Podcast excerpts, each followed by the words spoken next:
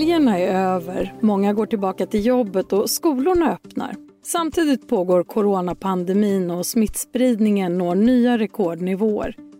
Och I måndags den 10 januari kom nya restriktioner.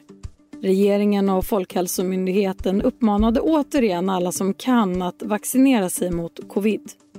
Men på vilket sätt skyddar vaccinet och varför blir så många sjuka trots dubbla doser? Välkommen till Studio DN med mig, Ylke Olago.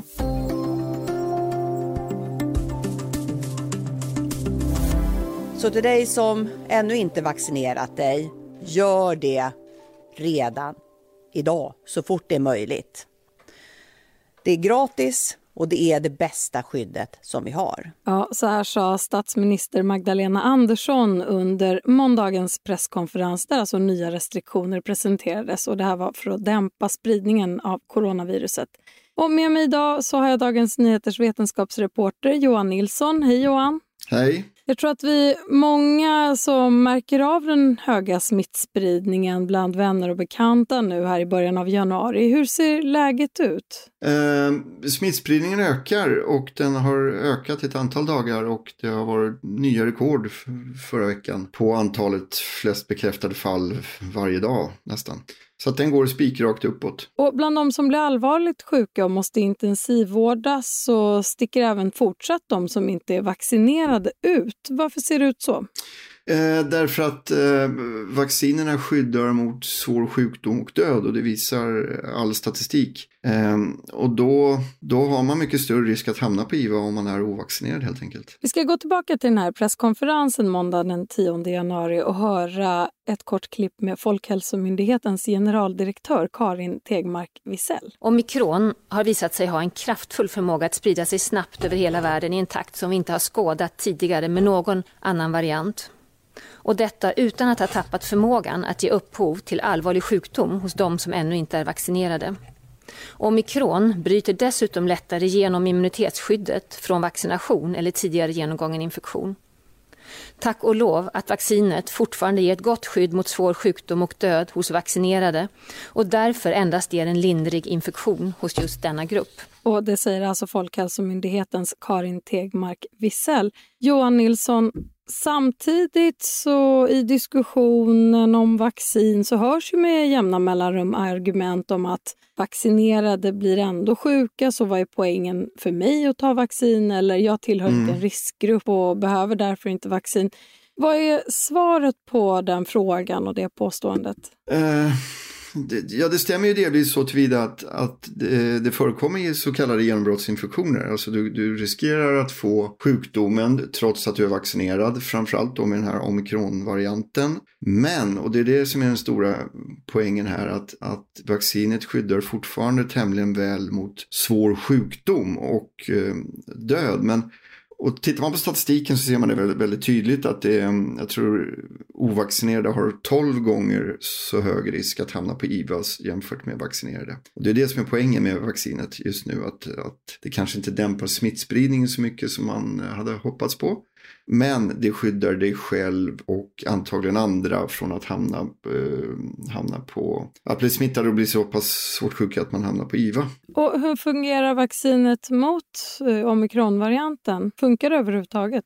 Eh, det tror jag att det gör, men det fungerar sämre. Man ser fler genombrottsinfektioner, men oftast då med bara mild sjukdom. Så att eh, på så sätt fungerar det ju ändå, även om man blir sjuk så att säga. Så om du skyddar mot svår sjukdom så fungerar ju vaccinet kan man ju, kan man ju säga. Och vi ska också nämna här att eh, Karin Tegmark Wisell nämnde under presskonferensen att den tredje dosen ska ge skydd även eh, mot omikron. Vad vet vi om det där? Eh, förhållandevis lite än så länge rent eh, statistikmässigt men man ser ju att eh, eh, de äldre som i högre utsträckning har fått ehm, eh, den tredje dosen att där har inte dö, liksom dödstalen eller vad man ska kalla det för stuckit iväg på samma sätt som det har gjort under tidigare smittvågor. Så att eh, det ser ut att ge ett, eh, ett bra skydd. Vi ska ta en kort paus och sen prata vidare om hur vi kan skydda oss under coronapandemins fjärde våg.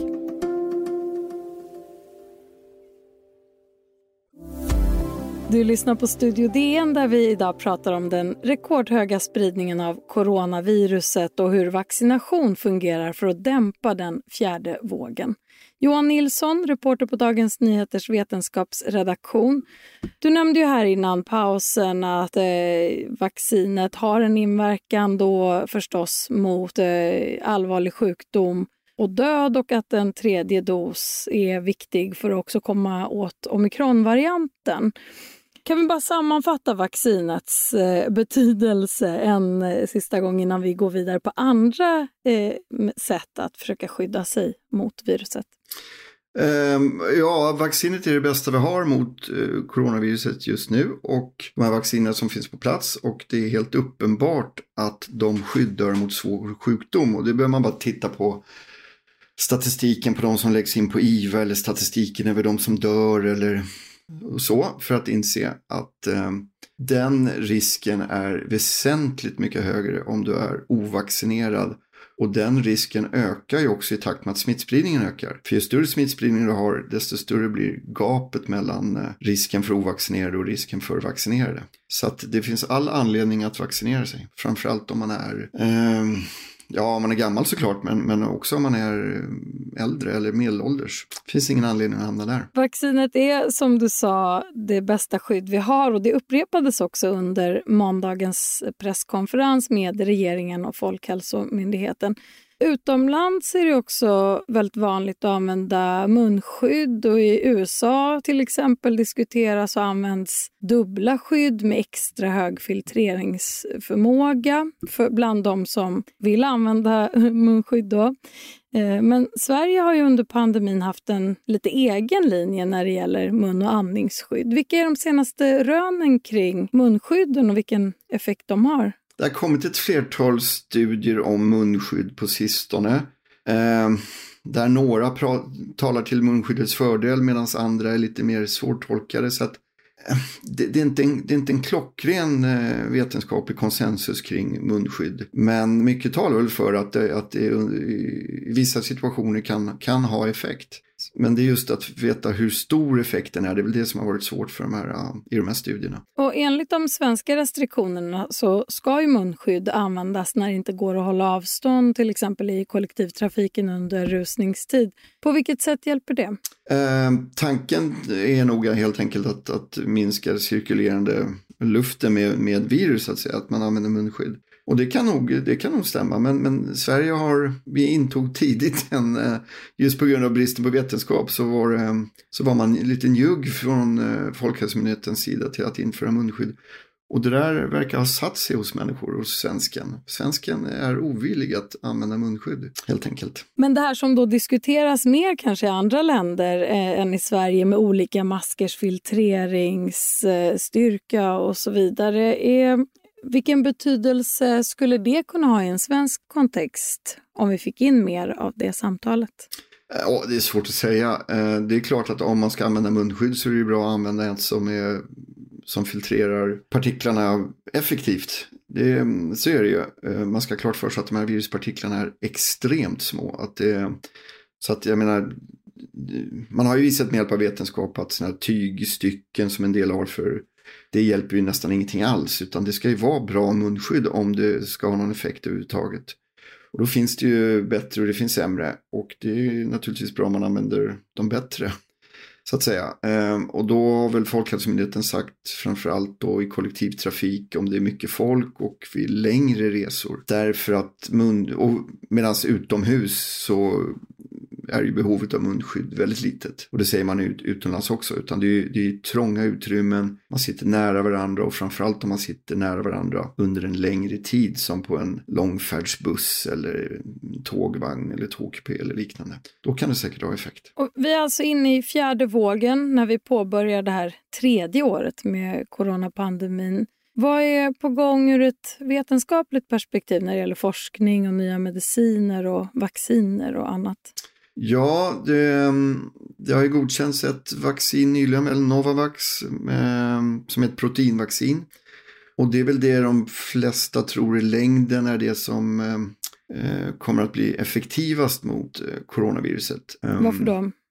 Eh, ja, det är så man har gjort vacciner hela tiden? Nej, men att det ska ge ett robustare immunsvar helt enkelt.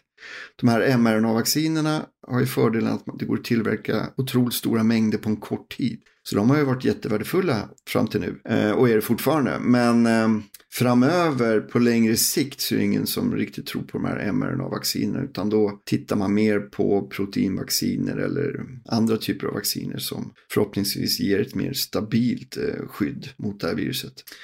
Ja, sen kommer det även en del eh, nya läkemedel och så som jag inte riktigt har koll på. Men det har kommit, det har kommit några, några läkemedel för intensivvård som har gett lovande resultat. Och avslutningsvis här, hur låter bedömningarna kring när vi kan se ett slut på pandemin? Ja, bra fråga. Um, de tidigare vågorna, första våren, så trodde ju alla att det skulle ta slut till hösten 2020, men det stämde ju inte. Många hoppas ju någonstans lite um, ironiskt att det här äh, omikronviruset som sprider sig så snabbt att det ska också bli det som tar oss ur pandemin eftersom det sprider sig så, så pass snabbt som den verkar göra. Att det kommer att resultera till en, till en snabb immunitet utan att så många behöver bli svårt sjuka eftersom de flesta är vaccinerade. Så att många ser omikron som något av räddningen ur pandemin. Men om, men om det verkligen blir så, det återstår att se. Det kan komma nya varianter. Högst troligt så är omikron inte den sista varianten. Och då är frågan om vad de här nya varianterna har för egenskaper. Så att jag, jag, jag, jag, jag vågar inte gissa. Ja, jag kan garantera i alla fall att vi kommer återkomma till frågan och då får du komma tillbaka till Studio DN. För den här gången så säger vi tack så mycket Johan Nilsson, vetenskapsreporter här på Dagens Nyheter. Tack själva. Om du vill kontakta oss så går det bra att mejla till studiodn dn.se och kom ihåg att prenumerera på Studio DN där du lyssnar på poddar så missar du inga avsnitt. Studio DN görs för Podplay av producent Palmira Kokarimenga. Ljudtekniker Patrik Miesenberger, teknik Oliver Bergman på Bauer Media och jag heter Ylke Holago.